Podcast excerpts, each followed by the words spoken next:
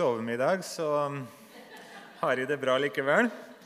Eh, kjekt å være her i lag med dere. Vi har altså snakket om bønn, og det er jo et stort tema, men vi har da vært ut fire liksom, undertema. Første til kvelden snakket vi litt om det å være på Guds fang når jeg og min far i himmelen er bare vi to. Eh, og I går snakket vi litt om forbønn som et redskap, et våpen i Guds rikes arbeid. Og I dag er vi kommet til det tredje temaet. Hvis du vil følge med i dette kompendiet, laget, så kan du jo det. Da er det bønn er fellesskap med andre. Og si litt om det.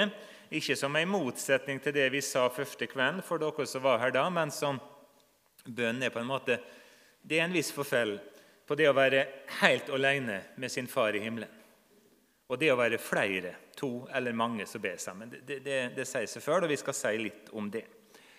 Eh, men før vi gjør det, så ber vi ei bønn. Far i himmelen, takk for en ny dag, takk for ny nåde, og velsign det vi nå skal dele, Herre. Amen. I dag skal vi begynne med å lese fra apostelgjerningene kapittel 2. Der står det om de første kristne. Eh, de holdt seg trofast til apostlenes lære og fellesskapet, til brødsbrytelsen og bønnene. Hver og en ble grepet av ærefrykt, og mange under og tegn ble gjort av apostlene. Alle de troende holdt sammen, og de hadde alt felles. De solgte eiendommene sine og det de ellers eide, og delte ut til alle ettersom hver enkelt trengte det. Hver dag holdt de trofast sammen på tempelplassen, og i hjemmene brøt de brødet og spiste sammen med oppriktig og hjertelig glede. De sang og lovpriste Gud og var godt likt av hele folket og hver dag la Herren til nye som lot seg frelse. Sånn står det altså om de første kristne i Jerusalem, urmenigheter som det ofte blir kalt, og hvordan de hadde de første ukene, månedene, kanskje åra etter Jesu oppstandelse og pinsedag, og så hvordan kristendommen da spredde seg utover i en enorm fart. Det var ikke alt de første kristne gjorde som Gud tenkte skulle være liksom standard for alle tider. Blant annet det som står her at de, de solgte, solgte eiendommene sine, og så hadde de alt felles. Det var noe de slutta med nokså tidlig, for de fant ut at det var rett og slett var, det, det var lite praktisk i det lange løp. Så Det er ikke noe kristne nødvendigvis skal gjøre til alle tider. Men det vi kan lære oss på en måte står fast, det var det de på en måte hadde i sentrum. Det var at de var sammen så ofte som mulig. Vi kan si at de første kristne de var menighetskristne eller forsamlingskristne, eller hva ord du enn vil bruke. Når de hadde anledning, så var de samla, noen få eller mange. Det var nok ikke så ofte alle var samla, for det var jo en svær flokk, 3000 allerede første dagen. Men de kom sammen. Og når de var sammen, så var det apostlenes lære, det som vi ofte da sier for å få fire b-er ut av dette, kaller for Bibelen.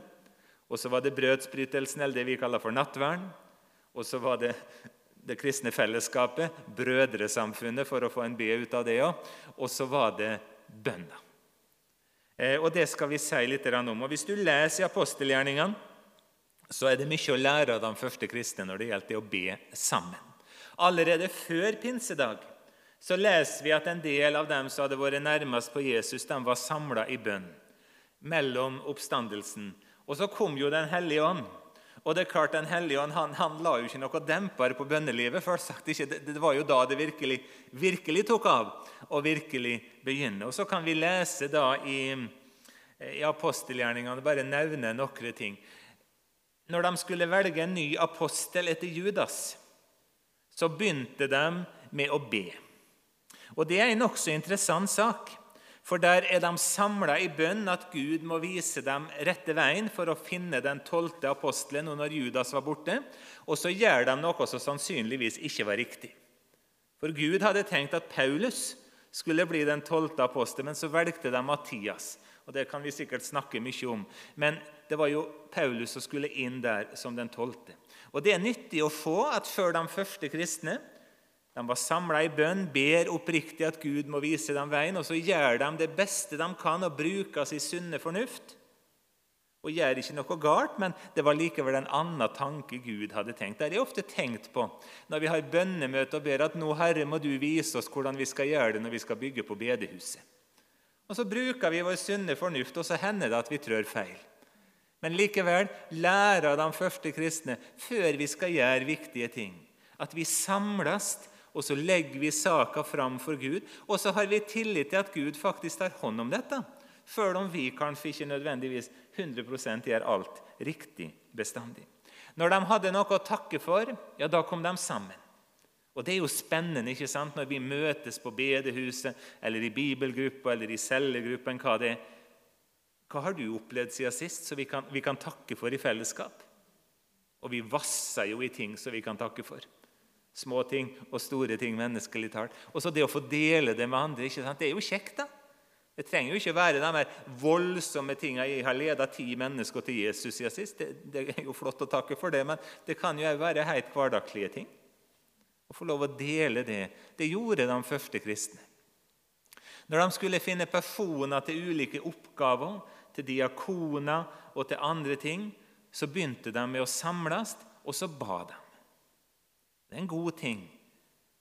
Hvis dere trenger nye lydteknikere, trenger nye til Havana, hva lærer de første kristne oss? Jo, kom sammen og legg det fram for Herren. Og så bruk fornufta og tenk sjøl og gjør så godt så han kan, men har lagt det fram for han på forhånd. Når livet var vanskelig, og sannelig var livet vanskelig for de første kristne Det var ikke mange ukene det gikk før den første av apostlene ble drept. Og Så ble Stefanus steina, og så brøt forfølgelsen ut, og så ble de spredd for alle vinder. Og Når livet var vanskelig for dem, så kan du lese apostelgjerningene. De kom sammen, og så la de problemene fram for Gud. Og Så fant de en styrke og hjelp i det det står i Bibelen om fred som overgår all forstand, som ikke alltid er så enkelt å sette ord på, men så likevel er der. Eh, og de ba om gode og rette ledere. Det gjorde de både når de skulle velge apostler, når de skulle velge diakoner. Og det er vel noe av det vi kan lære ut fra apostelgjerningene. Vi har et felles ansvar og en felles mulighet til å gå inn for Gud i fellesskap og si vi trenger en ny leder i ungdomsarbeidet vårt. Og så må du, Herre, vise oss hvem det er, og så må du, som vi snakket litt om i går, drive arbeidere ut til høsten din. Og I apostelgjerningene 6 så leser vi jo at apostlene, som jo hadde et særlig oppdrag i den kristne kirke, de brukte halvparten av tida si til å be. Og så brukte de halvparten av tida si til å forkynne ordet i ord og skrift. Og så delegerte de. De sto jo i en helt spesiell stilling. Men altså, halvparten av tida brukte Peter og dem nettopp til dette å be. Kan det få utfor. Og bak denne enorme vekkelsen så spredde det seg fra Jerusalem og utover. Og i løpet av 30 år så er evangeliet kommet til India. Det er kommet til Etiopia i sør. Det er kommet til Spania i vest, og det er sannsynligvis kommet til Tyskland i nord med de kommunikasjonene som var da. Og hva er det som står bak? Jo, det var kristne mennesker som kom sammen, og så ba de. Det var på en måte det som sto bak denne enorme vekkelsen som de opplevde den gangen. Så har jeg en to-tre små punkt som vi skal prøve å ta med oss inn i, inn i en samtale etterpå. Dette er ikke en av de første kristne, bare så det er presisert, men det var ikke så enkelt å finne et skikkelig bilde av en som hadde et spyd. Og Hvorfor var jeg ute etter å finne bilde av en som hadde et spyd? Jo, for det første punktet mitt er dette. Når kristne mennesker ber sammen, og det er jo temaet i dag, så er det det sterkeste våpenet vi har når det gjelder å bekjempe det onde, og når det gjelder å vinne nye mennesker for Jesus. Billedlig talt så er det som et spyd, ei lanse om du vil, så vi i fellesskap kan løfte opp. Og Når Paulus blir kristen, så sier Jesus noe spesielt til han. Det skal bli hardt for det, sier han, å stampe imot brodden. Vet ikke om du har tenkt på det? Hva brodd var det? Jo, det var Guds kall, men det var enda mer den kristne menighets forbønn. For Jesus hadde sagt, 'Be for dem som forfører dere'. Og det var ingen som forførte de kristne så brutalt som Saulus, Paulus. Og Derfor så må vi jo anta at det var ingen det ble bedt så mye for. For de første kristne de hadde Jesu ord helt friskt i minne.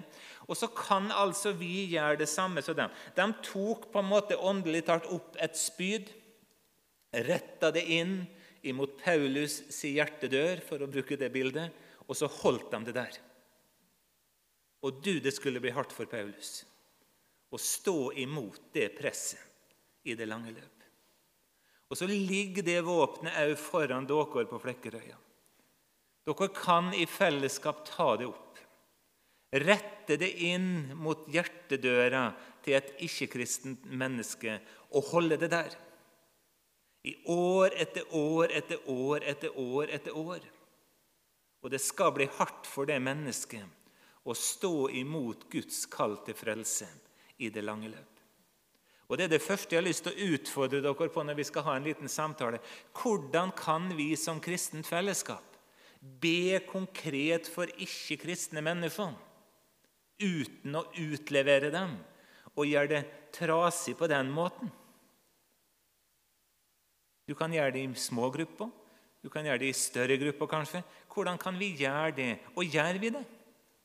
Er du enig med to eller tre eller flere kristne at han eller hun de er vårt, sagt, vårt jaktbytte. Dem, dem, har vi sikta oss inn på. Og vi skal be dem i kne, og vi skal be dem inn i himmelen enten de vil eller ikke. Det er vi enige om. Og vi gir ikke opp. Det gjorde de første kristne med Paulus. Han ville ikke. Og de ba bokstavelig. Det var jo Gud som frelste han for alle. Men det er det første jeg hadde lyst til å utfordre dere på. i kveld. Et våpen for å vinne mennesker for himmelen. Det andre, det kristne fellesskapet, det er omsorgen sitt sentrum. Det er hjerteslaget i den agape-kristendommen som vi snakker om. Altså det å ta, av, ta seg av hverandre, bære byrdene for hverandre og oppfyll på den måten Kristi lov, står det i Galaterbrevet kapittel 6. Som kristne mennesker skal vi være gode mot hverandre. Vi skal hjelpe hverandre, vi skal støtte hverandre. Og et kristent fellesskap, enten det er på et bedehus eller i ei bibelgruppe, eller det kan jo være så mangt, så skal det være sånn at hvis et menneske opplever at livet blir vanskelig, enten han opplever ulykke, død, sykdom og den type krise, han opplever skilsmisse, eller han virker virkelig går ut på å dumme seg så fullstendig ut at han tør nesten ikke å vise seg utenfor døra mer, så skal det være sånn. Den første tanken som skal slå ned i meg hvis de virkelig dummer meg ut Nå må jeg gå på bedehuset. For der vil de ta hånd om meg. Ikke gitt at de sier at det var helt greit, det du gjorde. Men der vil jeg møte en omsorg og en varme, og der vil jeg møte folk som ber for meg, og som ber med meg. Og hvor mange av oss vet ikke litt om det? Hva det vil si når livet har vært vanskelig på ulike måter, at det var kristne mennesker som bar oss i bønn. Jeg hadde jo i mange mange år ei veldig veldig sjuk kone helt til hun døde for fire år siden. Og De siste sju-åtte åra hun levde, det kunne gå et år mellom hver gang jeg hadde overskudd til å gå på et møte på bedehuset. Jeg makta det ikke. Kapasiteten var ikke der. Men jeg visste at han ba for oss. Og når jeg en sjelden gang kom, ikke en eneste gang var det noen som sa det er lenge siden vi har sett det. Eller vi har savna det. Nei, De sa det var kjekt å få med. Selvsagt var det lenge siden de har sett meg. Jeg var jo fullstendig klar over det. Det var jo månedsvis siden sist.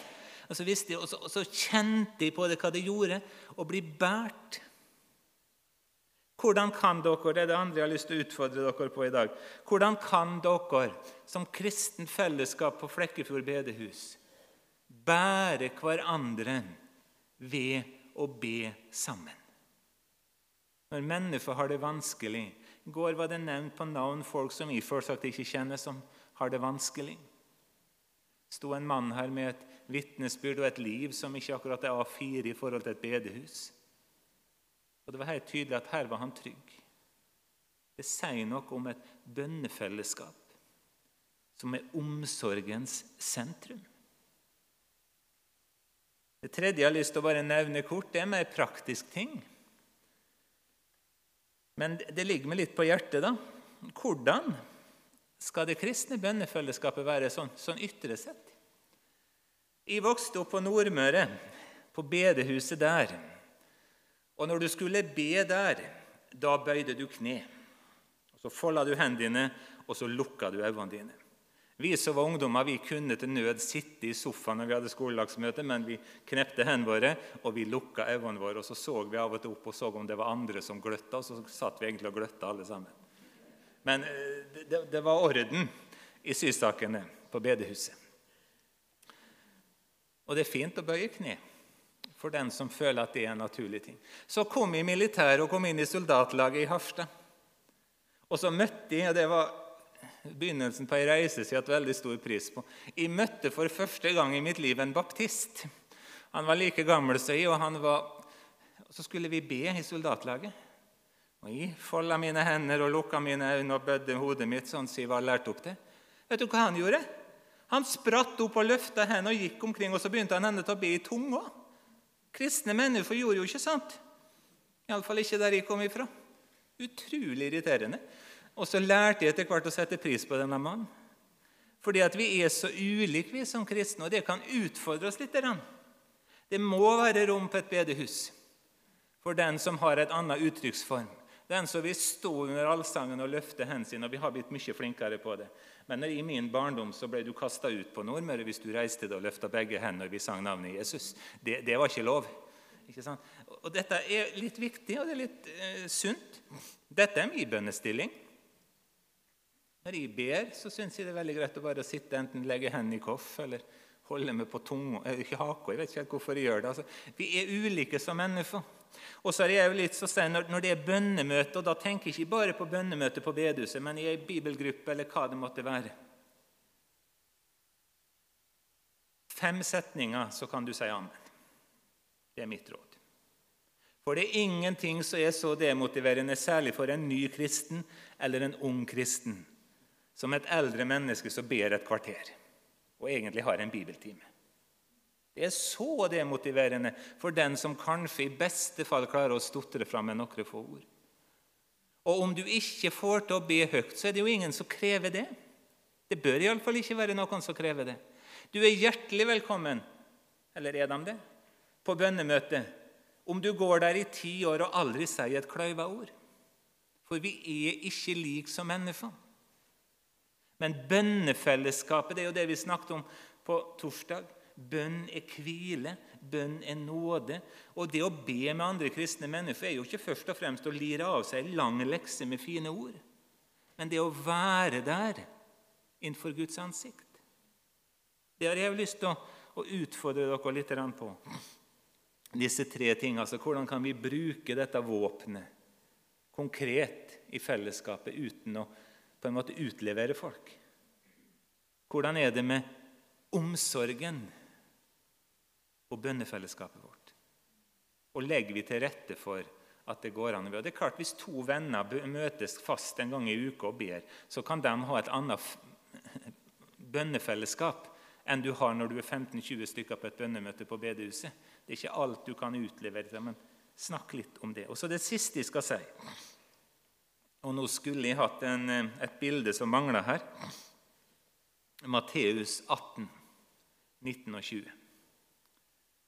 Det er det bibelavsnittet i Bibelen jeg syns er vanskeligst å tro på. Jeg tror på det, men jeg syns det er utrolig vanskelig, for der snakka Jesus om bønn. Og han snakka om bønnefellesskap. Jeg skulle gjerne hatt det på veggen, men jeg skal sitere dette. For vet du hva Jesus sier? Atter sier jeg dere Alt det to av dere på jorden blir enige om å be om i mitt navn, skal de få av min far i himmelen. Den syns jeg er vanskelig. Atter sier dere alt det to av dere på jorden blir enige om å be om i mitt navn, skal de få av min far i himmelen. Hadde Jesus sagt en del av det dere ble enige om, men han sier altså alt. Det er et ord som utfordrer meg. For jeg har bedt sammen med mennesker, og jeg har ikke fått det vi har bedt om. Men Jesus sier det sånn. Alt det to av dere på jorda blir enige om å be om, skal, i mitt navn skal de få av min far i himmelen. Og så sier han noe mer. For hvor to eller tre er samla i mitt navn, der er jeg midt iblant dem. Jeg vet ikke hvor mange ganger, for jeg har vært på en del møter i mitt liv hvor det har vært to og tre og fire og fem stykker som kommer, og så syns møtelederen det er fryktelig trasig for meg som taler at det kommer så få, og så begynner de møtet med å si hvor to eller tre er samla i mitt navn. Der er Jesus midt imellom dem. Og det er jo helt sant. Men legg merke til første gangen Jesus sier det, hva snakker Jesus om da? Jo, han snakker om de kristne bønnemøtene. Det er i den settingen Jesus først og fremst gir det løftet. Når Jesus første gangen sa to eller tre der i mitt emne, så snakka Jesus om kristne mennesker som kommer sammen for å be. Og Jeg var på et bedehus for mange år siden. De hadde slutta med bønnemøte. Og vet du hvorfor? Da, da, måtte jeg nesten smile. altså. Vi var bare to og tre, sa de. Ja, Men så sa jeg Jesus sa jo det, sa jeg. Han sa jo for 2000 år siden at det ville være ofte det vanlige. At to og tre kom sammen for å be. Det var jo nettopp da han sa han ville være der. Og det var nettopp da han sa at du skulle få alt som du ba om. Ikke noe mindre enn det. Bønnefellesskapet det gir oss en enorm mulighet. Og Selvsagt er det flott når det kommer mange på bønnemøte. Selvsagt er det flott hvis det kan være mange som blir grepet av det. Det er en kjempeting. Men når to mennesker møtes De hadde en fin samtale for en tid tilbake med ei som var aktiv med mødre i bønn. De var to mødre. Møttes en gang i uka for å be. Bare dem to. Og så hviler dette løftet over dem to, midt imellom dere. Og jeg vil gi dere alt dere er enige om å be om. Og jeg sier det igjen, det syns jeg er vanskelig altså, å forholde seg til. Men sånn sier Jesus det, og da velger jeg å tro det så ligger disse mulighetene framom oss. Ligg framom dere som går på Flekkefjord bedehus. To eller tre. Midt imellom dere. Mulighet til å bære gjennom det vanskelige, til å vinne nye for himmelen, til å skape varme fellesskap. Jeg skal avslutte med å sitere det som står i Malakia 3,16 er det siste 3.16 er faktisk den siste sida i Det gamle testamentet, så det er nokså lett å finne hvis du skal bla det fram. De talte med hverandre, de som fryktet Herren, og Herren lyttet og hørte det. Et flott løfte. Det står mye mer fint i det verset, men det skal jeg la ligge nå. De talte med hverandre, de som fryktet Herren, og Herren lyttet og hørte det. Fylke der oppe hvor det er mye fogderistrid, har i 31 år nå vært ansatt i Indremifonsforbundet, det aller meste av tida i Nordmøre og Romsdal Indremifon, Og har hatt mange forskjellige stillinger. Nå er jeg ansatt i det som nå heter IMF Sunnmøre, eller før het Sunnmøre Indremifon, og har en litt sånn variert stilling. Jeg jobber i nærradioen, jeg jobber på kontoret, og jeg er forkynner og litt sånn forskjellige ting innimellom. Dere har tatt godt imot meg. satt og tenkte på det her. Tar dere folk i hånda og ønsker folk velkommen? Det er ikke det det gjør de fleste plasser. Men i Romsdalen var det et bedehus hvor de opp til nesten moderne tid helt konsekvent aldri ønsket en taler velkommen før de hadde hørt han første gangen. For De skulle først høre hva han hadde å forkynne. Hvis du da opplevde at de tok det i hånda, da, da var du innafor. Det er faktisk helt sant. Sånn er det ikke her, og godt er det. Vi har altså tema bønn, og det er et stort og viktig tema. og det er et vidt tema. Jeg har valgt å fokusere ut fire små seksjoner av det. I går prøvde vi å si noe om det som er det aller viktigste, nemlig at bønn er hvile, og bønn er nåde. Og Om du ikke husker noe av denne helga, så kanskje husker de tre ordene bønn er nåde. I kveld skal vi si noe om at bønn er arbeid, og det er ikke i motsetning til det vi sa i går, men det er to sider av samme sak. I morgen formiddag skal vi snakke litt om bønnefellesskapet, og på søndag litt om at Gud svarer på vår bønn. Og så har du fått utdelt et sånn kompendium. Om du vil følge med i det eller ikke, det bestemmer du sjøl. Men hvis du vil, så er det iallfall greit at du er på punkt to, der det står 'Bønn er arbeid' i overskrifta. Det er ikke så kjekt for meg hvis du sitter og leser om talen i morgen akkurat nå. Eh, du trenger ikke å følge med, for det kommer litt opp på veggen, men det står alle sitater og bibelhenvisningene, og sannsynligvis står det mer i arket enn det jeg får tid å si den neste halvtimen. La oss be ei bønn. Far i himmelen, takk at du har møtt oss. Og så ber vi at du òg nå de neste minuttene taler inn i livet våre, sånn som du så at vi trenger det, Herre. Amen. Jeg vil gjenta dette, da, bare helt kort. Bønn er å sitte på Herrens fang. Eller å være en kristen er å sitte på Herrens fang. Det er å hvile i Guds fullbrakte verk og i Guds nåde. Det er ingen krav for å få lov å være en kristen. Det er heller ikke sånn at du må be så og så mye for at Gud skal være fornøyd med deg, at du skal få lov å være Guds barn. Det er nåde fra A til Å og tilbake igjen. Men i kveld skal vi altså snakke litt om at bønn er arbeid, bønn er kamp, og vi skal lese fra 1. Timoteus brev, kapittel 2, vers 1-4, hvor Paulus skriver følgende. Jeg formaner dere fremfor alt til å bære fram bønn og påkallelse, forbønn og takk for alle mennesker.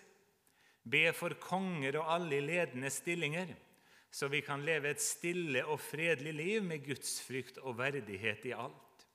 Dette er godt og noe Gud, vår frelser, gleder seg over. Han som vil at alle mennesker skal bli frelst og lære sannheten å kjenne. Fremfor alt formaner jeg dere til å bære frem bønner, skriver Paulus til Timoteus. Og Timoteus var jo en av Paulus sine forholdsvis unge medarbeidere. Hadde Paulus levd i dag og vært ansatt på Sørlandet, så hadde han vært sokneprest hvis han var ansatt i Den norske kirke, og han hadde hatt jobben til Ragnhild Ringvold hvis han var ansatt i Indremisjonsforbundet som kretsleder, og var han ansatt i Frikirke, og så hadde han vært tilsynsmann Altså Han hadde ansvar for en del områder rundt omkring, så han skulle følge opp. Og Så skriver Paulus to brev til han for å hjelpe han i tjenesten, veilede han og gi han råd.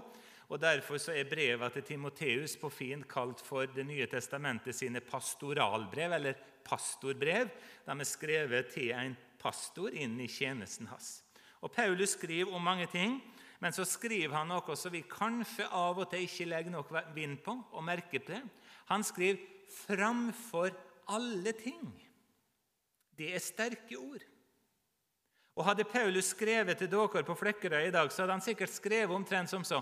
Fortsett med cellegruppa. Fortsett med formiddagsmøte på søndag. Fortsett med Havana og det ene og det andre. Men, hadde Paulus sagt, framfor alt dette så formaner jeg dere til å bære fram forbønn, påkallelse og takk for alle mennesker. Det er altså noe som skal komme framfor alt, både rent tidsmessig, at det kommer før det andre, og rent prioriteringsmessig, at det står på førsteplass i menighetslivet vårt og i vårt kristne arbeid. Og Dette lærer oss at bønn òg er arbeid. At bønn er et redskap som Gud har gitt oss. Og Hvis du ser på dette verset, så er det en grunn til at Paulus formaner om dette. Hvorfor gjør han det? Jo, skriver han, fordi Gud vil at alle mennesker skal bli frelst og lære sannhet å kjenne.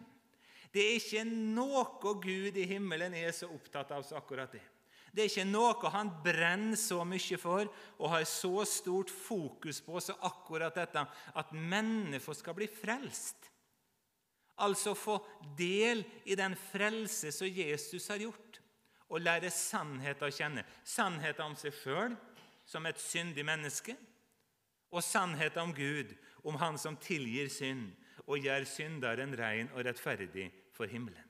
Og for at det skal skje, så sier altså Bibelen at vi framfor alt skal bruke forbønna sitt arbeidsredskap. Og Da må vi ha to tanker i hodet, eh, og det går stort sett bra for mange. i alle fall. Vi må holde fast på det bønn, det er hvile. Men bønn er òg arbeid og kamp. Og noen av dere som har vært med i forbønnstjeneste i kanskje 50 år, du vet mye om det at bønn kan være arbeid og nokså utholdenhet.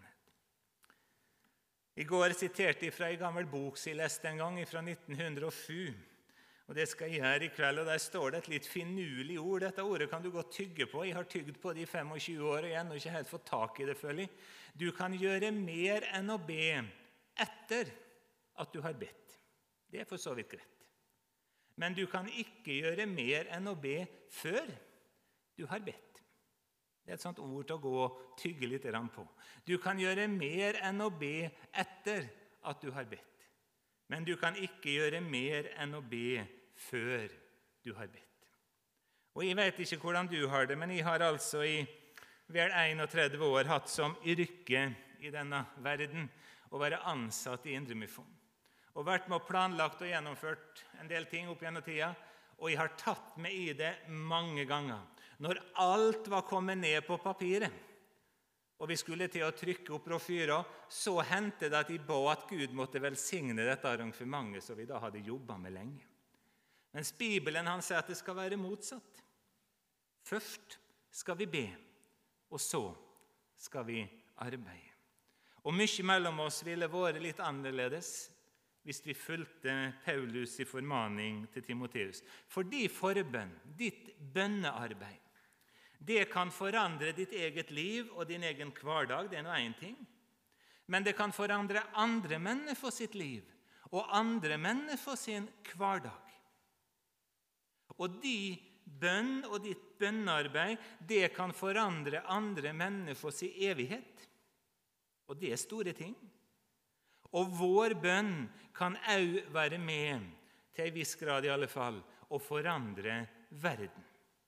Fordi vi ber til en Gud som er så uendelig mye større enn vi er klar over.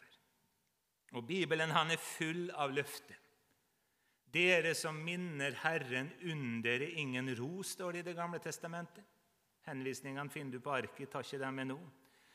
La ikke hendene synke. Og Samuel han sier til israelsfolket det være langt fra meg å synde mot Herren med å holde opp med å be for dere.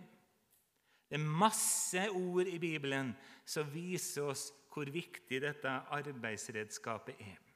Og så ser vi det i det veffet som vi nettopp hadde framme.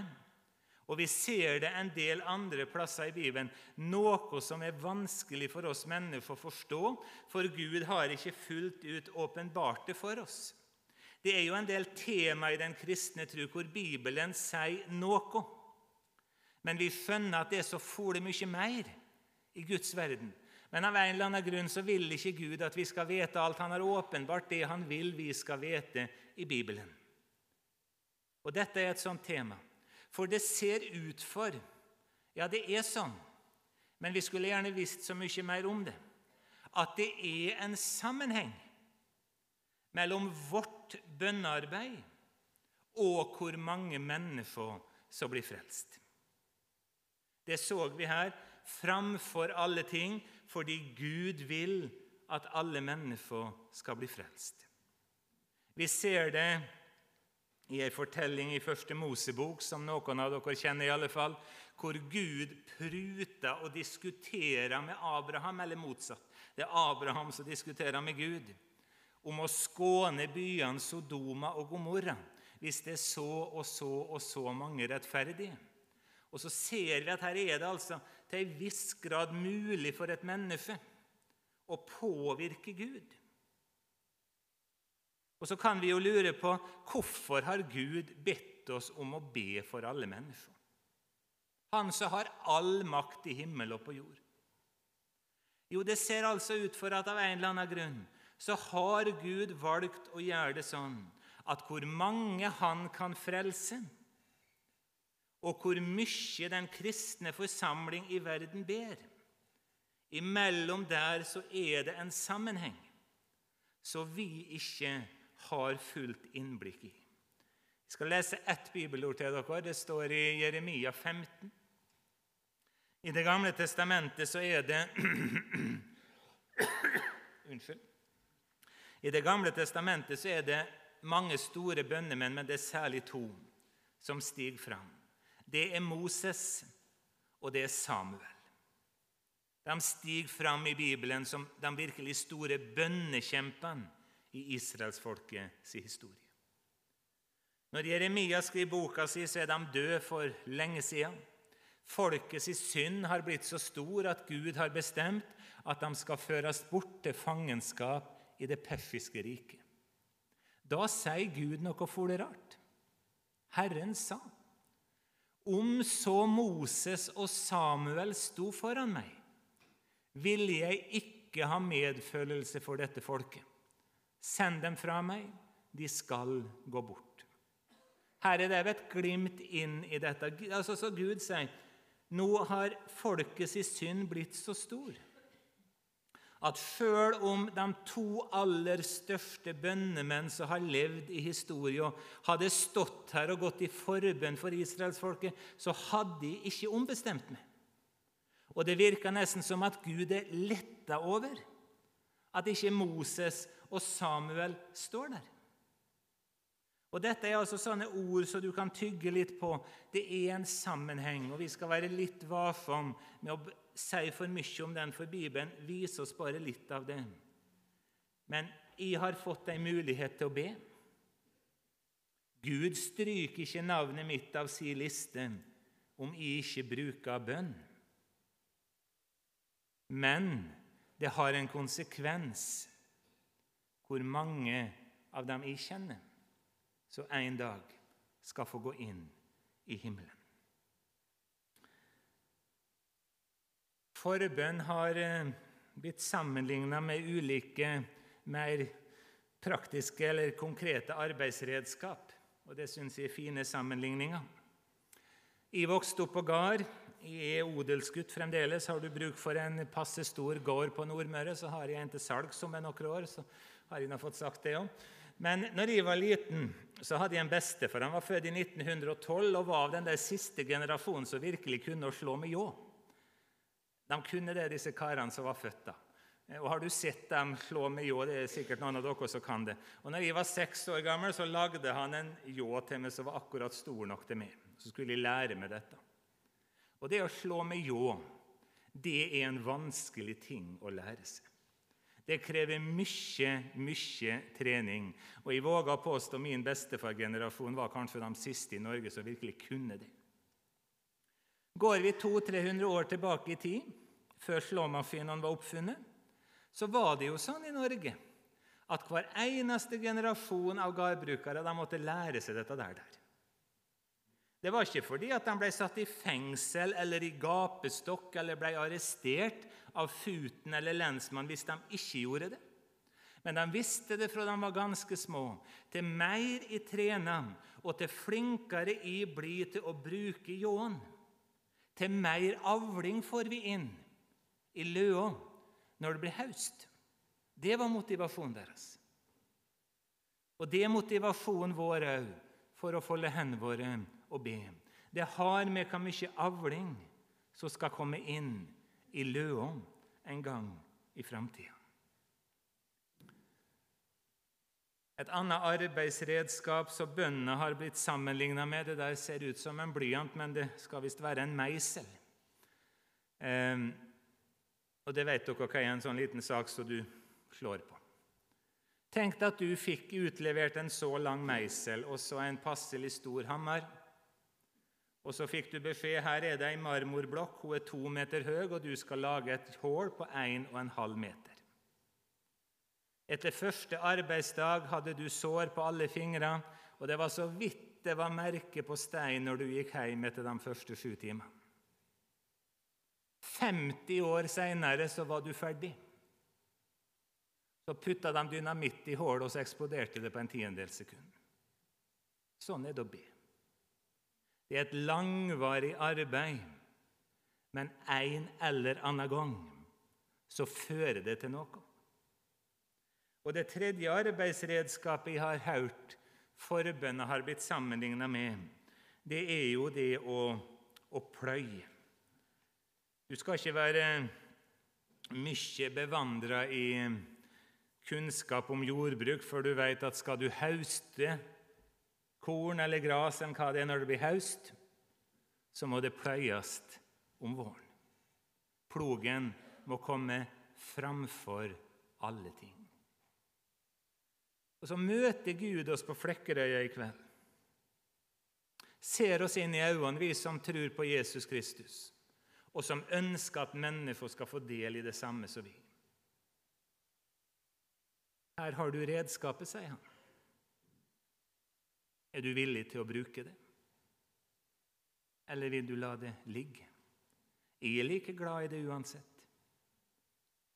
Jeg er like raus i min velsignelse uansett. Men det er ei avling som skal hentes inn. Det er mennesker som skal berges for himmelen framfor alle ting. Og Så skal vi bruke de siste minuttene av denne talen til å si litt om Det er kanskje et litt rart spørsmål, men jeg syns det er nyttig for min egen del å stille spørsmålet Hvem, hvem skal vi be for? Der kunne vi sagt noe, men vi skal bare nevne noen få ting. Når Paulus skriver til Timoteus, så er han jo ikke akkurat snau. da. Alle mennesker. Alle menneskefolk. Det er nesten åtte milliarder mennesker eller et eller annet sånt. Det, det er fole mye folk. Det står i Bibelen vi skal be for alle disse menneskene. Ja, det gjør det. Nå er jo Gud en stor Gud, så klart at hvis du har fått et land, f.eks. Madagaskar, da, lagt på hjertet ditt og ber for det regelmessig, sånn som mange gjør, så kjenner jo Gud folket som bor der. Samtidig så er det jo sånn Vi som bor på Sunnmøre I den gata som jeg bor, er det en sju-åtte hus inni en blindvei. Jeg kan jo ikke basere meg på at dere på Flekkerøya skal ta forbønnsansvar for det. Kan jo ikke det. Og dere kan jo ikke basere dere på at vi som bor på Sunnmøre, vi skal ta ansvar for å be for folket på Flekkerøya. Vi kan sikkert gjøre det, men vi har nok folk rundt oss, vi òg. Og Så sier altså Paulus vi skal be for alle mennesker.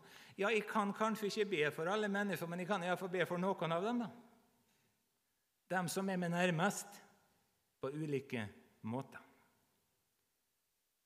Og Så utfordrer Bibelen oss på at vi skal be for styresmaktene våre. Det gjør vi i kirkebønner, og de fleste jeg håper dere gjør det her òg. fleste bedehusforsamlinger som har regelmessige søndagsmøter, har ofte tatt med det i forbønna si at han ber for ordfører og for kongehus og for storting og regjering. Og da er det jo sånn, Jeg husker på 90-tallet så var det veldig mange som syntes det var veldig greit å be for statsministeren så lenge han het Kjell Magne Bondevik. Og så ble han etterfulgt av Jens Stoltenberg, som jo er uttalt ateist. Da ble det ikke så stas å be for han. Men Bibelen ber oss vi skal be for dem som skal styre. Dere skal be for kommunestyret i Kristiansand, som nå er berømt over hele landet fordi at de hadde problemer med å finne en ordfører. og alt mulig. Fordi at Bibelen sier at det er en oppgave for oss kristne. Og så har det en konsekvens at vi har det bedre i hverdagen vår hvis vi ber for styresmaktene våre. Kanskje en selvsagt ting, men av og til verd å merke seg. Og så sier Bibelen vi skal be for forsamlinga vår. De aller fleste brevene til Paulus jeg tror bare det er ett unntak. De begynner omtrent sånn Først med en nådehelsing, og så, og så sier han at 'jeg takker'. Og jeg sier ofte 'jeg takker alltid min Gud for dere'. Før når han skriver til korintermenigheten, så hadde så mye rart de holdt på med, så skrev han 'Jeg takker min Gud for dere'. For Paulus visste fole godt at 15 år før var det ikke et kristent menneske i Korint. Det var så svart hedenskap at vi kan ikke i vår villeste fantasi forestille det. Det er sikkert sånne plasser på Sørlandet òg. Men kommer du til en Møre og Romsdal, så skal jeg kunne ta deg med til flere bygder hvor du ikke finner et eneste menneske som offentlig bekjenner trua på Jesus Kristus. Det fins ingen bedehus. Det er ingen som går til kirke de få gangene presten kommer av gudstjeneste. Det er ikke et kristen fellesskap. Og Da må dere takke for at dere har det her på Flekkerøya. Og Det er jeg sikker på at dere gjør. Og når du har takka for det, ja, da kan du begynne å snakke med Herren om alt som irriterer deg, og alt som kunne vært annerledes, og alt som kunne vært bedre. For det vil det alltid være der som kristne mennesker kommer sammen, for vi er så ulike. Men Paulus lærer oss i hele sitt virke i takka for at det fins kristne mennesker som kommer sammen og at det er et kristenfellesskap rundt omkring i bygder og byer. så har vi et ord som ikke står i Bibelen, men det er jo et veldig bibelsk ord likevel bønnebarn. Bibelen sier at vi skal be for alle mennesker.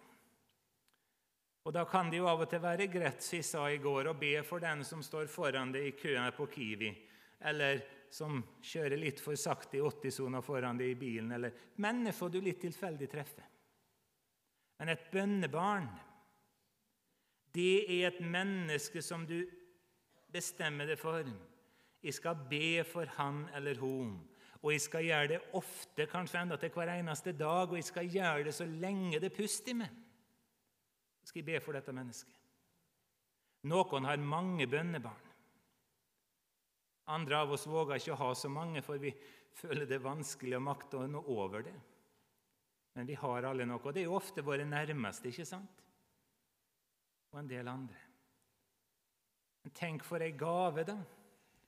Hvis du kan si til naboen din til jul i år får du ikke blomster til jul hos meg, men jeg lover det tre ganger i uka resten av mitt liv, så skal jeg nevne navnet ditt når jeg ber til Gud i himmelen. Forandrer du et liv, og du kan forandre ei evighet. Redskapet ligger der. Det er opp til det og meg å bruke det. Så sier Bibelen at vi skal be både om og for arbeidere i Guds rike. Og arbeidere i Guds rike det handler om mye mer enn predikanter. Heldig, heldig, heldigvis. Jesus sier altså høsten er stor, arbeiderne få. Be derfor høstens herre drive arbeidere ut til sin høst, står det i Matteus 9. Og Da er vi igjen tilbake til det vi sa i stad. Hvorfor i all verden sier Jesus at vi skal be Gud i himmelen om å kalle folk inn i tjeneste for Han? Hvorfor kan han ikke gjøre det direkte? Og igjen er det altså en sånn knytning. Når vi ber, og til mer vi ber, til flere kan Gud kalle inn i tjenester i sin store kirke rundt omkring i verden. Igjen denne, Hvorfor kan ikke Gud gjøre det direkte? Nei, Han har sagt at det er vi som skal be ham om å gjøre det. Og Det gjelder jo alle oppgavene som er på et bedehus. Det gjelder dem av oss som har fått mer som yrke, kanskje, å være ansatt i misjon eller i Guds rike. Vi skal be om, og vi skal be for. Det er så fint å lese om døperen Johannes. Hvorfor sto døperen Johannes fram?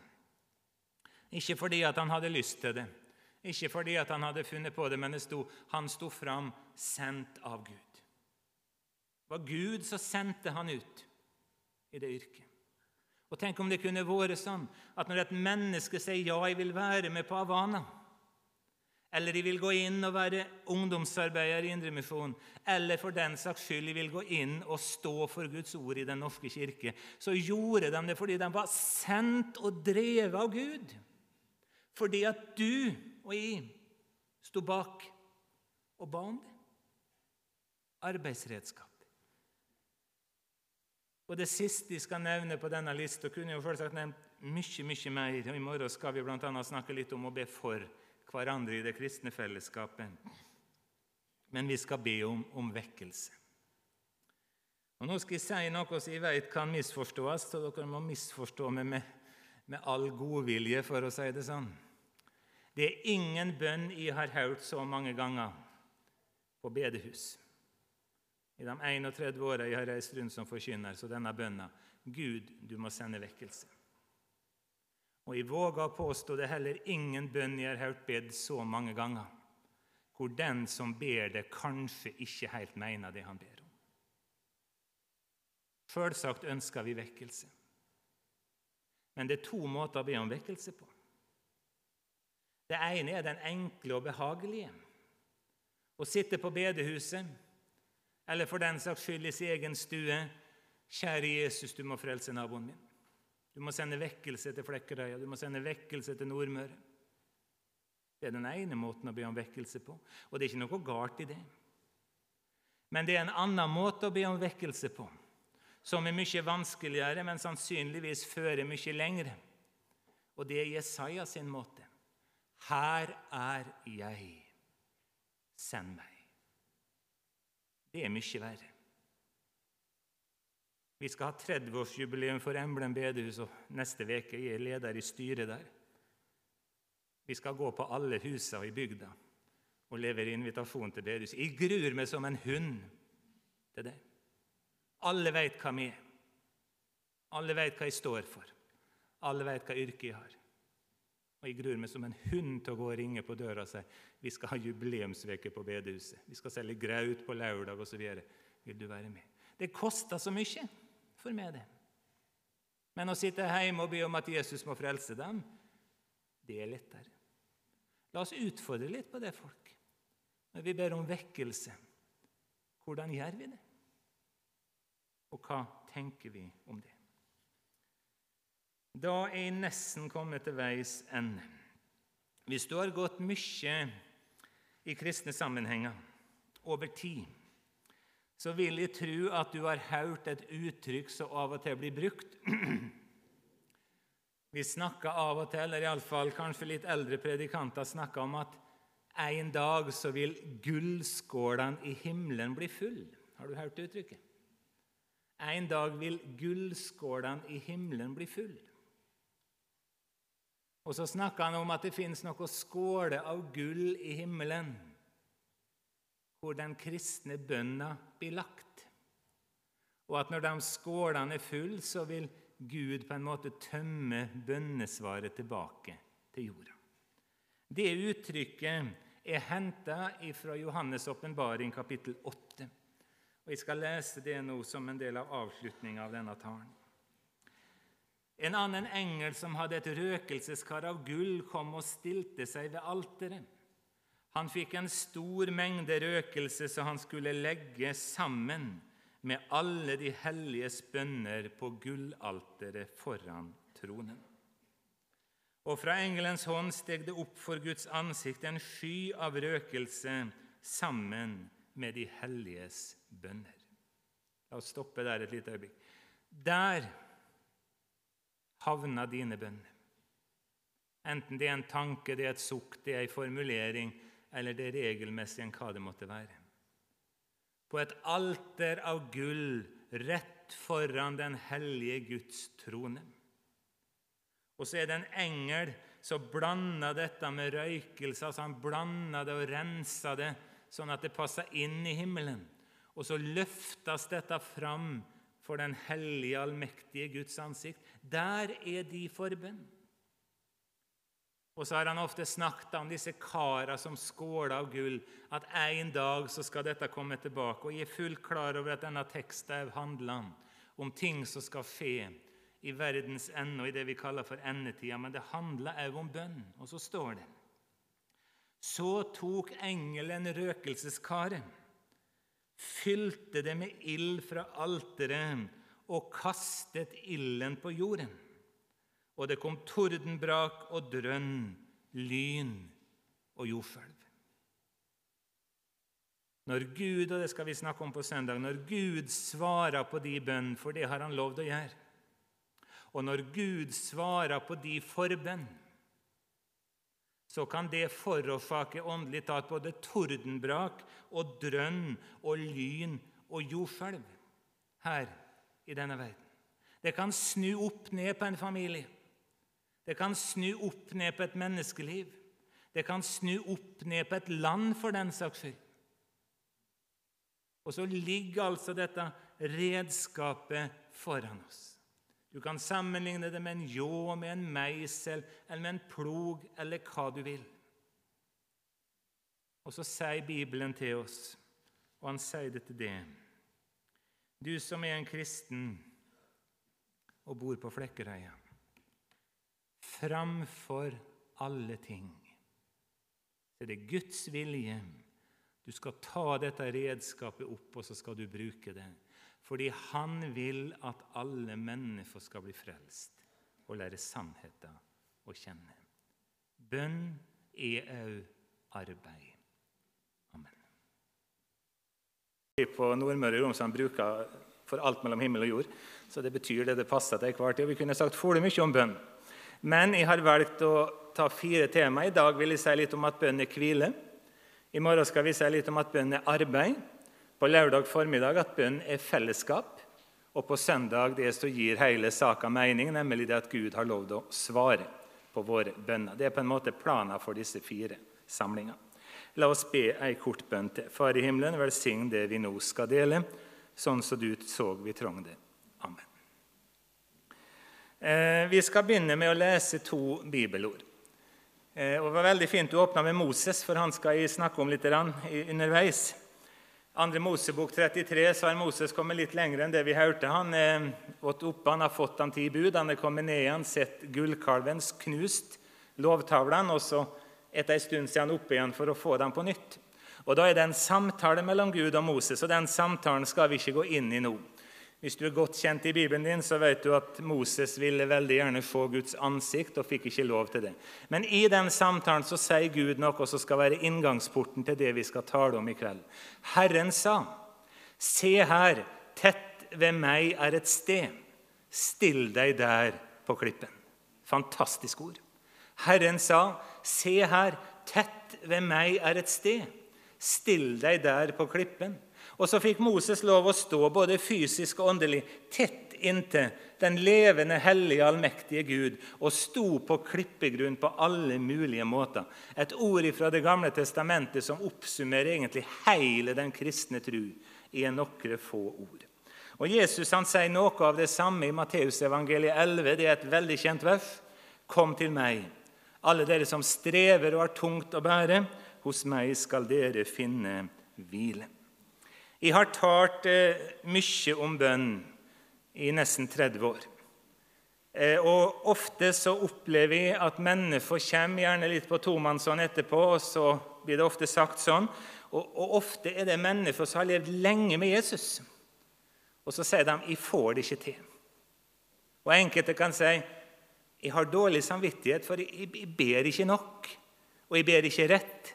Og For fole mange kristne så er det sånn at bønn det er ofte forbundet med noe du må og du skal, og du, du føler på en måte at det blir lagt på det som et tungt åk å trykke ned. Sånn opplever enkelte kristne det når de hører at det skal tales eller snakkes om bønn.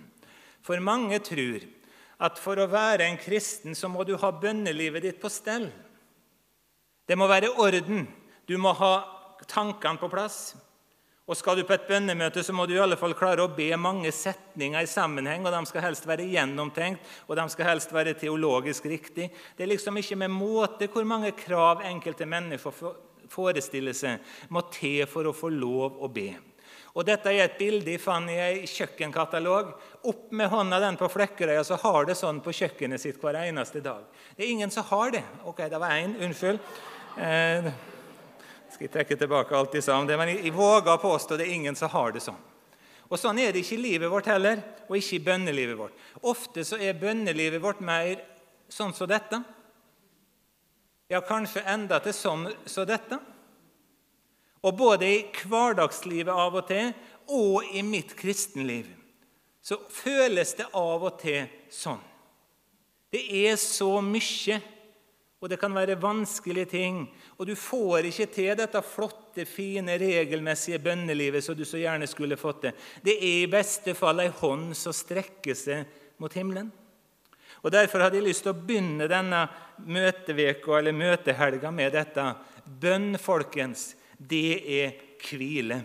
Om du glemmer alt som jeg sier disse fire dagene, så har jeg lyst til å be deg å prøve å huske tre ord. Bønn er nåde eller bønn er hvile. Dette bildet viser hva det vil si å be. Jeg vokste opp på en gard på Nordmøre.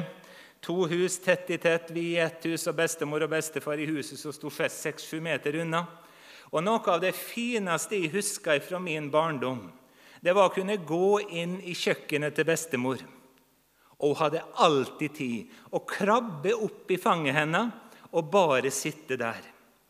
Og jeg var ikke så gamle karen før jeg forsto, selv om jeg nok ikke reflekterte over det før jeg ble voksen, at på bestemor sitt fang Her var det ingen krav til prestasjoner. Der kunne jeg sitte, jeg kunne sove. Jeg kunne sitte der hvis de var sur. Jeg kunne sitte der når jeg var stille, og jeg kunne sitte der hvis de prata som en foss. Det har oftere det enn at de er stille. På bestemor sitt fang fikk jeg lov å være fordi jeg var gutten hennes. Jeg var barnet hennes. Og sånn vil Gud at du skal ha det i ditt bønneliv. Å kunne få lov å senke skuldrene, lene det tilbake. Ja, det ble ikke bedt så mange bønner i dag. Og når jeg prøvde, så begynte jeg plutselig å tenke på hvordan det skal gå med Start, så jeg på å rykke ned eller opp. jeg vet ikke hva de gjør for tida. Eller så begynte jeg å tenke på noe på jobb eller et eller annet. Og så gikk det helt i surr for meg. Det å be er ikke å si noe til Jesus. Det å be er djupest sett å få være på Jesu fang. Og Det har jeg lyst til å ligge der som et grunnlag òg i morgen, når vi skal snakke om at bønn er arbeid og kamp. For det er det. Men djupest sett er bønn nåde. Og så har Gud gitt oss en mulighet til å få lov å være der. For eh, fire år siden så døde kona mi. Og for to år siden så gifta jeg meg på nytt igjen. Og det skal jeg si dere, Når du er over 50 år og nyforelska og nygift, da, da, brenner det heftig i huset. altså, Når et gammelt hus tar fyr. Og Det å være nygift i min alder det skal ikke plage dere mye, men det er svære greier. Og så har jeg tenkt det. Det var helt forferdelig for meg i dag å reise hit. Så jeg vekke fra henne i fire dager. Det er jo helt tåpelig når du er så gammel så men altså, det skal nå gå på et vis. Så har jeg tenkt av og til Tenk om Randis og kona mi heter og jeg, hadde blitt enige om et eksperiment. Den neste veka skulle vi aldri være nærmere hverandre enn fire meter. Bare for å prøve det. Det jo vært helt meningsløst, men det hadde jo gått an hvis vi bodde i hver vår etasje i huset og passet på å kjøre hver vår bil. Og alt sånt. Og, og vi hadde ikke blitt skilt etter ei uke om vi aldri var nærmere hverandre enn fire meter. Men for det første hadde det vært forferdelig kjedelig. Det er nå den ene saka. Og for det andre så er det ikke sånn det skal være i et ekteskap. Jeg er redd for at både jeg og du som kristne mennesker i perioder i livet vårt lever sånn tre, fire, fem, seks meter på avstand ifra Jesus. Ikke så langt bort at det blir skilsmisse eller at vi går vekk ifra trua, men heller ikke der oppe i fanget hans. Og Så møter han oss på nytt igjen i kveld og så sier han, Se her, tett ved meg er en plass. Still det der på klippen. Og så har Gud ordna det sånn at vi som hører Han til, skal få lov å møte Han på tomannshånd og hvile oss der, uavhengig av hva som foregår rundt oss. Og Nå skal jeg si litt bare kort om denne møteplassen, denne hvileplassen. Litt fra Det gamle testamentet, litt fra Jesu liv, og i siste del litt fra vår liv og vår hverdag. For Hvis du har lyst til å ha et spennende bibelstudium, så kan du lese gjennom Bibelen. Du trenger ikke lese hele heller. Og så kan du lese og være på jakt etter plasser hvor kristne menn eller kvinner er på tomannshånd med sin Gud, og hva det betyr. Det første jeg har lyst til å nevne, det er Elieser. Det er ikke det beste bildet i verden. De hadde ikke så gode fotoapparat på Abrahams tid. Men Elieser han var Abrahams tjener. Og får han jo et underlig oppdrag, iallfall for oss. I vår kultur er det underlig. Han skulle reise til et annet land, og så skulle han spørre ei jente i passelig alder om hun ville reise fra familien sin, bli med til et helt fremmed land og gifte seg med en helt fremmed gutt. Det var jo oppdraget til Elieser. Han skulle jo ut i det fremmede landet og hente ei brud til løftesønn, for å si det litt mer eh, fromt. Og Så kommer Elieser til det fremmede landet der som Abraham en gang hadde kommet fra. Så går han ned på torget der for Brønne, og så skal han finne denne jenta. Da er det at Elieser trer på en måte litt ut av hverdagen. Og så er det han, og så er det Gud. Masse folk rundt. Og så ber han, 'Herren, la det i dag lykkes for din tjener.' Og mens han ennå ber, står det, så kom det ei jente for å hente vann. Hun heter Rebekka, og hun ble kona til Isak. Et eksempel på en mann som altså får hjelp der og da på tomannshånd med sin far i himmelen. Den andre jeg skal nevne, det er Jakob, sønnen hennes. Jakob han hadde lurt Esev, han hadde lurt Fafin. Han var jo en eh, bedrager, egentlig. Og så er han kommet så langt at han er i ferd med å bli innhenta av fortida si. Da er det at, og Der er det ikke Jakob som søker Gud, men det er Gud som søker Jakob. Og Det er jo ei underlig bibelfortelling. De sloss fysisk ei hel natt. Men møteplassen, det var Gud, og det var Jakob. Og det var helt avgjørende for at han kom inn igjen på det sporet som Gud hadde for ham, og at han kom inn igjen i den planen som Gud hadde lagt. Og Hadde det ikke vært for det møtet mellom Gud og Jakob og bare dem to, så hadde det heller ikke kunnet stått i Bibelen vår så ofte som det står at Herren han er Abrahams, Isak og Jakobs Gud. Og Det kan hende må skje i mitt liv av og til. det. At Gud må søke meg mer enn jeg søker Han, og kanskje òg gjøre et eller annet for å få meg inn igjen på riktig spor når det kniper. Og Så hørte vi så fint om, om Moses. Han er det heller ikke mange bilder av hvis du googler han på Internett, men han så kanskje sånn ut. Det var han, og det var Gud. Brennende tornebusk, en slange, ei spedalsk ånd, dramatiske ting. Der får Gud sin vilje med en 80 år gammel mann. En 80 år gammel motvillig mann til å gå inn i ei veldig viktig oppgave i Guds rike. Skal Gud få sin vilje i mitt og ditt liv, så er han avhengig av å få oss dit på tomannshånd, hvor vi både kan hvile, men òg kan få høre hva han har å si til oss.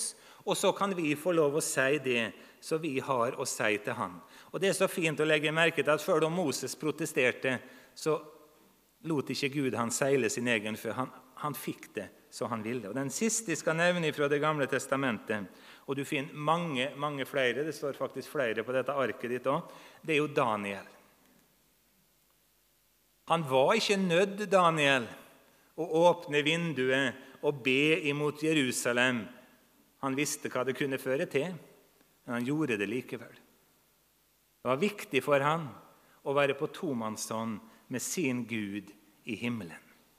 Han trengte det for å få den kraft og den styrke som han måtte ha.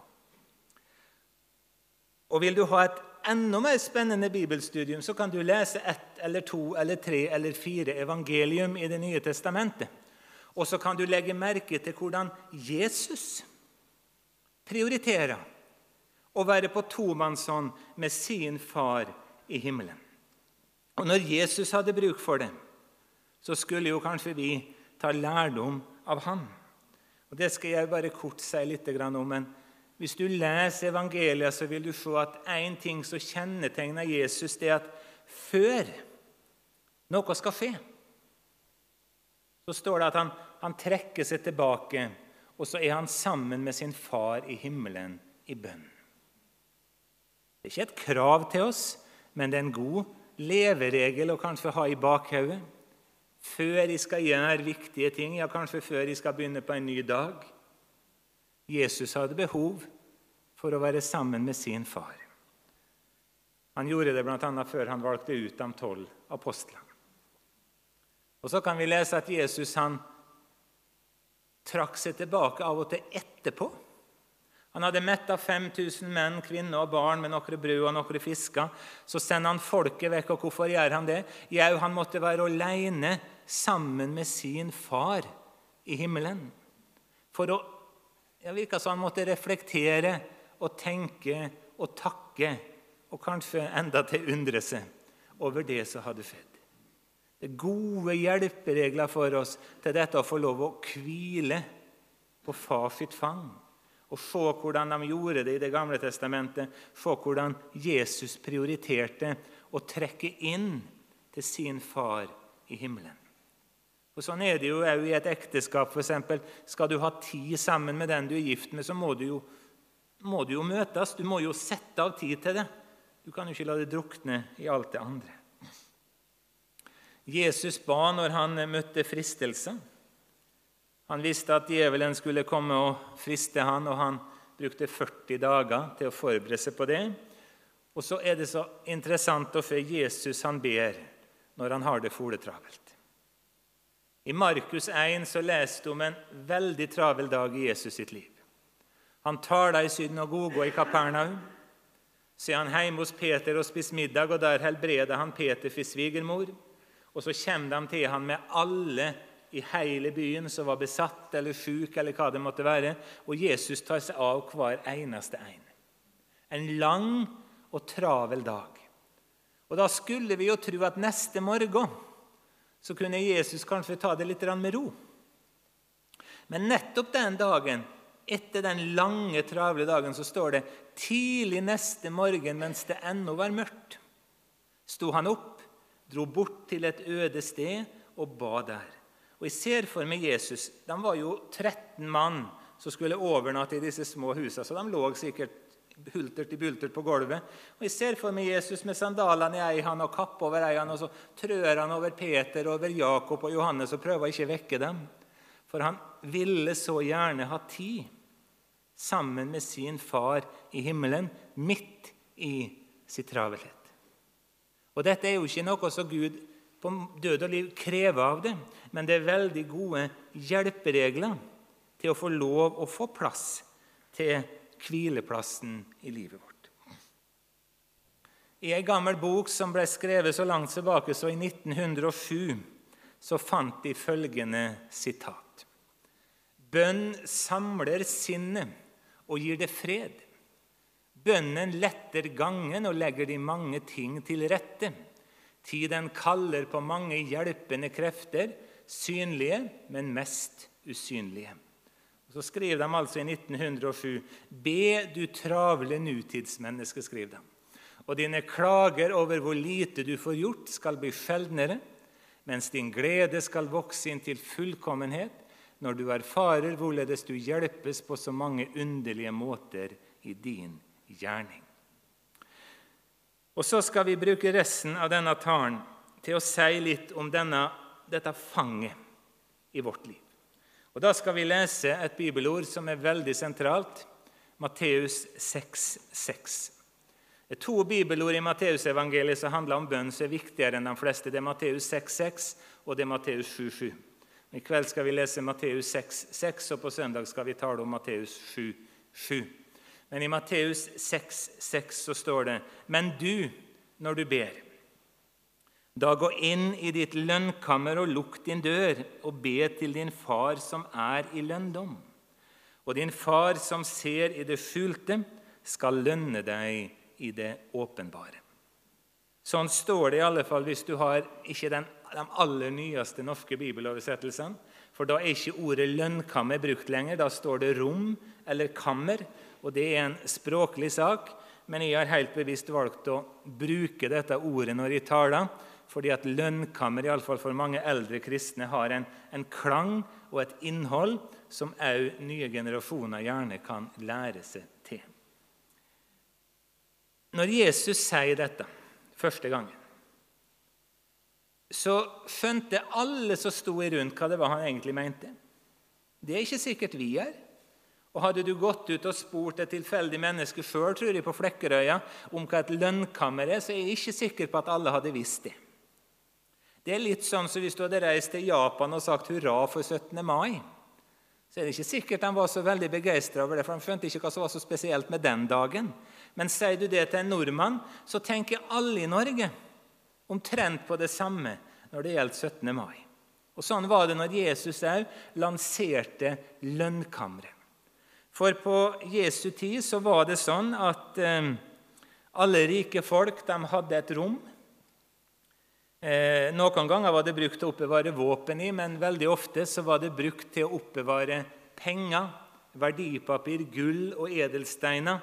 Det hadde tjukke vegger, det hadde ei solid dør, det hadde en god lås. Det var lønnkammeret i Jesus samtid.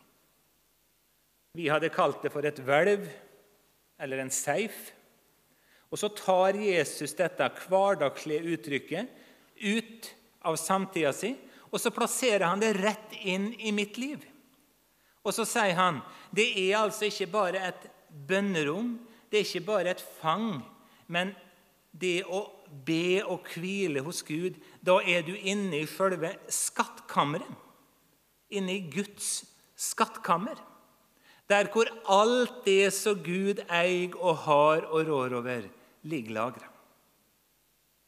Gå inn i ditt lønnkammer. Og du og jeg har en stående invitasjon til å gå inn der, til å hvile oss der og til å få av Guds overflod inn i våre liv. Jeg vet ikke hvor mange av dere som lest Donald Duck, men de aller fleste har vært borti det. Ikke alle som vil vedkjenne det seg på bedehuset, kanskje, men de fleste har lest et Donald-blad.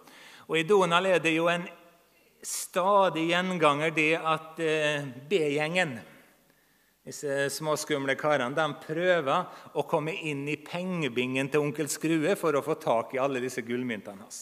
Det er jo en sånn stadig plott i Donald. Så kan vi jo tenke oss hva som hadde skjedd hvis det kom et Donald-blad, og så var fortellinga litt annerledes enn vanligvis.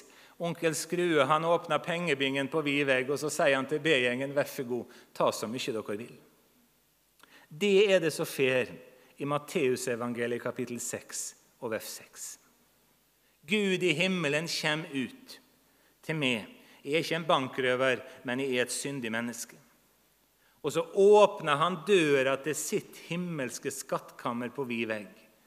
Og så sier han, 'Arild Ove, gå inn. Lev der inne. Vær der inne. Hvil deg der inne, og ta alt du trenger for livet, for døden og for evigheten. Jeg vil så gjerne gi det til deg. Det er bønn når det kommer til stykket. Det er en Gud som står med åpne armer tett inntil meg. Er det en plass, et himmelsk skattkammer? Gå inn der og vær der. Og Dette er lønnkammeret. Som sagt, Jeg syns godt vi kan prøve å bevare det ordet i alle fall noen år til. Det er altså møteplassen hvor du og Jesus er på tomannshånd. Vi skal snakke om bønn i fellesskap på lørdag, og det er en flott ting. Men det er noe eget når det er bare i og Jesus. Han som vet alt om meg. Jeg trenger ikke å skjule tankene mine, for han kjenner dem. Jeg trenger ikke å skjule synda mi, for han kjenner henne, og han har tatt henne vekk.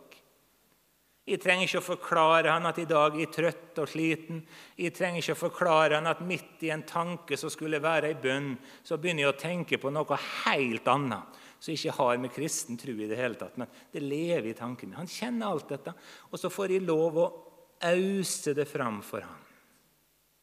På samme måte som når jeg som liten gutt lå på fanget til bestemor. Og det var aldri tema at hun skulle kaste meg ut av huset fordi om ikke gjorde som hun tenkte. Og lønnkammeret det er jo heller ikke selvsagt et, et fysisk sted. Du kan gå inn i lønnkammeret ditt når du er på bedehuset. Du kan gå inn i lønnkammeret ditt hjemme når du åpner Bibelen din. Men du kan gå inn i lønnkammeret ditt når du er på jobb, når du står og synger i et kor, kjører bil, du trenger ikke nødvendigvis å være der for lenge, heller, sånn sett, men det beste er jo å leve hele livet der, på Jesu fang. Jeg sto på butikken for en tid tilbake, og da hadde jeg en liten sånn åpenbaring. tror jeg. For foran meg Jeg hadde kjøpt bare to ting. Og så var det en kar altså med ei enorm handlevogn. og Han bare gikk foran meg. Han tenkte ikke tanken engang. Kanskje jeg kunne få gå først. Så Jeg sto sikkert i tolv minutter og så og irriterte meg mer og mer og mer, og mer på denne mannen som ikke var dønna i hele tatt. Og, og Da slo det ned meg. I stedet for å stå her og bli irritert og egentlig bli litt surere og surere for hvert minutt han holder på, kan du ikke da i stedet for bruke den tida, gå inn i det aller helligste i Guds himmel? Klatre opp på Guds fang og sitte der og få på denne handlevogna. Og når han er ferdig, så har du ikke engang mista plassen din i køa. Så kommer du ut igjen, og så betalte de, og så gikk jeg hjem. Det var jo rart om jeg ikke skulle bære noe av himmelen med meg ut i hverdagen min. Hvis de hadde gjort det på den måten. Og så sang vi det, ikke sant? Hvor fins det en fagrere stad på jord? Det handler om å hvile i bønn. Det sitatet som står på veggen nå, det har dere ikke hørt før. Tidlig på 1990-tallet var det en predikant i Romsdalen som besøkte ei gammel, blind dame. og Så oppdaga han at hun hadde skrevet dikt gjennom hele livet og lagt dem i ei skuffe for ingen skulle få dem. Hun hadde skrevet dem til Jesus. Og Så fikk han overtalt og så ble det gitt ut ei diktbok. Det var et lokalt sak i Romsdal Indremisjon. Men hun skriver ei setning, og den setninga som står på veggen der Jeg har aldri lest noe skrevet av et menneske, hvis du da ser vekk fra Bibelen. Aldri. Så på en bedre måte si hva kristendom er, og så på en bedre måte si hva bønn er. For Jesus skyld jeg skal få gå, til himmelens Gud og nåde få. Det er kristendom, og det er bønn. For Jesus skyld jeg skal få gå til himmelens Gud og nåde få. Så står Jesus der i kveld til oss. Nå kjenner ikke dere, men de fleste av dere iallfall. Aktive mennesker.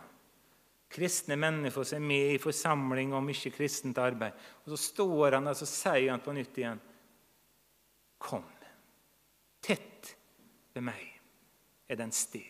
Et himmelsk skattkammer. Still det der på klippen, og vær der og lev der. Hvis du husker tilbake til gamle dager for ti år siden, og før det, så var det sånn i Norge at hvis du drev og tippa enten fotball eller lotto Det er kanskje noen av dere som gjør det. Og før alt ble digitalisert, så var det sånn at hvis du vant, så måtte du følge med sjøl. Og så måtte du komme med kupongen din, og så måtte du gjøre krav på at du hadde vunnet. Hadde du sju rette i Lotto, så måtte du på en måte møte opp der du har kjøpt den, og si at jeg har vunnet også. Eh, det gikk ikke av seg sjøl sånn som det gjør i dag. Og Jeg har livlig fantasi, og jeg tenkte ofte og jeg tenkte på det senere. Tenk da, folk, hvis de hadde fått en telefon klokka åtte i dag tidlig. Du har oss. du har vunnet ti millioner kroner i Lotto. Nå tipper jeg ikke i Lotto, men la oss nå si jeg hadde fått en telefon. da. Men du må komme til Hamar og hente dem før klokka fire i dag. Og du må ha med deg kupongen din. Vet du hva jeg hadde gjort da? Jeg hadde tatt med meg kupongen og så hadde jeg kjørt til Hamar og henta de pengene. Og så hadde jeg ringt til Sørlandet Indremisjon og sa jeg dessverre jeg kommer ikke til Flekkerøy før i morgen kveld. Og så hadde jeg gitt en klekkelig gave til Sørlandet Indremisjon for å døyve ei dårlig samvittighet for at jeg skulka et møte. Og Det hadde sannsynligvis du gjort, og ikke fordi at jeg er så veldig pengekjær. For det tror ikke at jeg er. Men jeg vet at med de pengene så kunne jeg gjort utrolig mye godt både for familien min og for ting som jeg brenner for i Guds rike sammenheng. De fleste av oss hadde hvis vi skal være dønn ærlig, anstrengt oss litt hvis vi kunne få 10 millioner kroner opp i hendene og bruke som vi ville. Men når Jesus står der og vil gi deg mer glede, mer fred, mer frimodighet, mer framtidshåp, mer optimisme, mer trygghet og alt det som han ønsker skal prege livet ditt som en kristen, ja, da er det ikke alltid at vi prioriterer å gå inn i skattkammeret og være der hos Jesus. Og han står der. Kom til meg. Han vil at du skal hvile deg.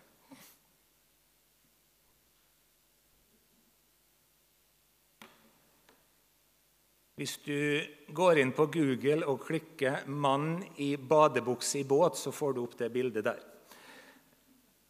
La oss tenke oss at vi tok et eksperiment på Flekkerøya. Nå skal jeg snart slutte, men dette er det siste omtrent jeg skal si.